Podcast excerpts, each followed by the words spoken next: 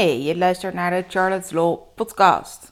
Dit is een opname van een van de video's, dus ook die kun je terugkijken. Elke dinsdag is er een nieuwe te vinden op YouTube. Charlotte, de social media jurist van Nederland. Ik wil het met jullie even hebben over ehm, reclame gericht op kinderen. En dan met name reclame in video's, in YouTube-video's, die gericht zijn op kinderen onder de 12 jaar. Daar zijn namelijk eh, in de Nederlandse reclamecode speciale regels aan gewijd. Kinderen kunnen namelijk minder goed reclame herkennen. Alhoewel, als je ze soms vraagt van, goh, wat vind je daarvan? En maakt natuurlijk allemaal dan nooit zo heel veel uit. Maar belangrijk is toch wel dat kinderen goed dat onderscheid kunnen maken tussen wat nou wel reclame is en wat echt oprecht is. Ehm, zodat ze ook beter een afweging zouden kunnen maken, voor zover ze daar op die leeftijd al uh, toe in staat zijn. Nou, dan is er een uitspraak van de reclamecodecommissie geweest over het YouTube-kanaal Kleintjes. Het YouTube-kanaal laat van alles zien, maar allemaal met kinderen. Dus het is een beetje de Nederlandse Kids React bijvoorbeeld. Uh, maar waar het in dit geval om ging, was een lookbook gesponsord door de Bijenkorf. Nou, volwassenen zoals jij en ik zouden dat voldoende herkennen aan het feit dat er in de omschrijving onder de video staat dat de video product placement bevat en dat aan het eind van de video heel duidelijk het logo van de Bijenkorf in beeld komt en er wordt gezegd deze kleding is bij de Bijenkorf verkrijgbaar. Nou, dan weten we eigenlijk al wel, goh, dit was gewoon een reclamefilmpje voor de Bijenkorf. Prima, nu maak ik de keuze of ik daar wel of niet wat koop. De persoon die klaagde over deze video zei echt, ja, weet je, het is gemaakt door kinderen. En die doen er heel vrolijk over. Dus het is echt wel gericht op kinderen jonger dan 12. En zij herkennen het juist niet zo goed. Dat er achteraf een logo van de bijenkorf in beeld komt. Ja, dat zal wel, maar dat zegt die kinderen niet zoveel. Dat maakt het voor die kinderen nog geen reclame. En dat er ergens in die omschrijving onder de video staat dat het product placement bevat. Ja, product placement is dan al een term die kinderen niet zo heel erg veel zegt. En het staat ook nog eens tussen eigenlijk wat andere mededelingen in. De reclamecodecommissie was het daarmee eens dat dit te onduidelijk is voor kinderen onder de 12 jaar. Volgens de reclamecode moet reclame, zoals in YouTube-filmpjes, voor kinderen heel erg duidelijk herkenbaar zijn. Bijvoorbeeld door het gewoon te laten zien of door het te zeggen. Daarbij kun je gebruik maken van optische, virtuele of akoestische middelen. Zo staat dat dan in de Nederlandse reclamecode. Daarbij moet je dus denken aan dat het echt herkenbaar is als een reclame zoals dat op tv ook zou zijn.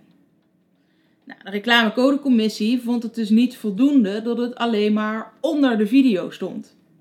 Omdat heel veel kinderen helemaal niet naar de beschrijving kijken van zo'n video. Daarnaast zouden ze het hele begrip product placement niet, in elk geval niet voldoende kennen. Ik denk zelfs dat als uh, Kleintjes had gekozen om in die eerste drie seconden van de video um, dat balkje te laten zien, zoals je dat bij YouTube kunt aanvinken, dat er sprake is van product placement in die video, dat zelfs dat niet voldoende zou zijn geweest. Omdat dat eigenlijk ook te klein is. En ik geloof dat in het Nederlands er misschien wel staat productplaatsing of zo. Die term is gewoon niet duidelijk genoeg. Dus eigenlijk hadden ze misschien van tevoren al wat moeten zeggen over de bijenkorf. Of dat het een gesponsorde video is. Of ze hadden dat uh, moeten zeggen. Of ze hadden dat bijvoorbeeld uh, kunnen laten zien door teksten in beeld te brengen of door op een andere manier het er veel meer als een reclame uit te laten zien dan de kinderen die leuk die kleding tonen. Is eigenlijk iets waar we sowieso heel veel discussie over hebben. Hè? Hoe duidelijk moet je nou maken dat er sprake is van reclame? En wanneer is er nou sprake van reclame? Voor de reclamecodecommissie is dat heel eenvoudig. Als er sprake is van een voordeel, dan is er ook al sprake van reclame en dan moet je dat vermelden. De manier waarop je dat doet, maakt niet zo uit. Of, of je dus het woord sponsoring gebruikt, of advertentie, of alleen maar ad, of um, in samenwerking met. voor normale reclame maakt het allemaal niet uit. Daar bestaat veel discussie over. Daar zal ik nog wel een keer een video over maken. Maar voor kinderen is het dus nog belangrijker dat duidelijk is dat het reclame is. In samenwerking met is dan bijvoorbeeld dan niet meer voldoende. Dan moet je echt gewoon zeggen: dit is reclame, dit is sponsoring, dit is kleding van de bijenkorf die wij gratis gekregen hebben. Allemaal dat soort zaken.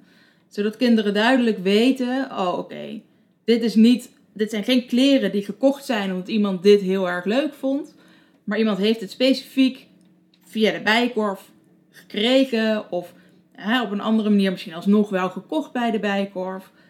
Alleen maar om daar uiteindelijk nog voordeel van te hebben. Om daar geld mee te verdienen, om die kleren gratis te krijgen, nou ja, wat dan ook. Omdat kinderen dat niet goed zelf kunnen beoordelen, moeten we ze dat eigenlijk letterlijk vertellen of laten zien.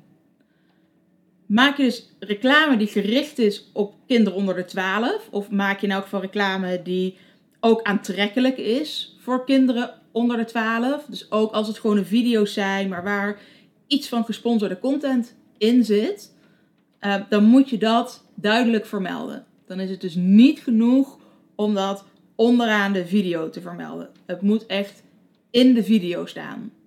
Het mag dus ook niet van omstandigheden, uit omstandigheden blijken. Je moet daar best letterlijk over zijn.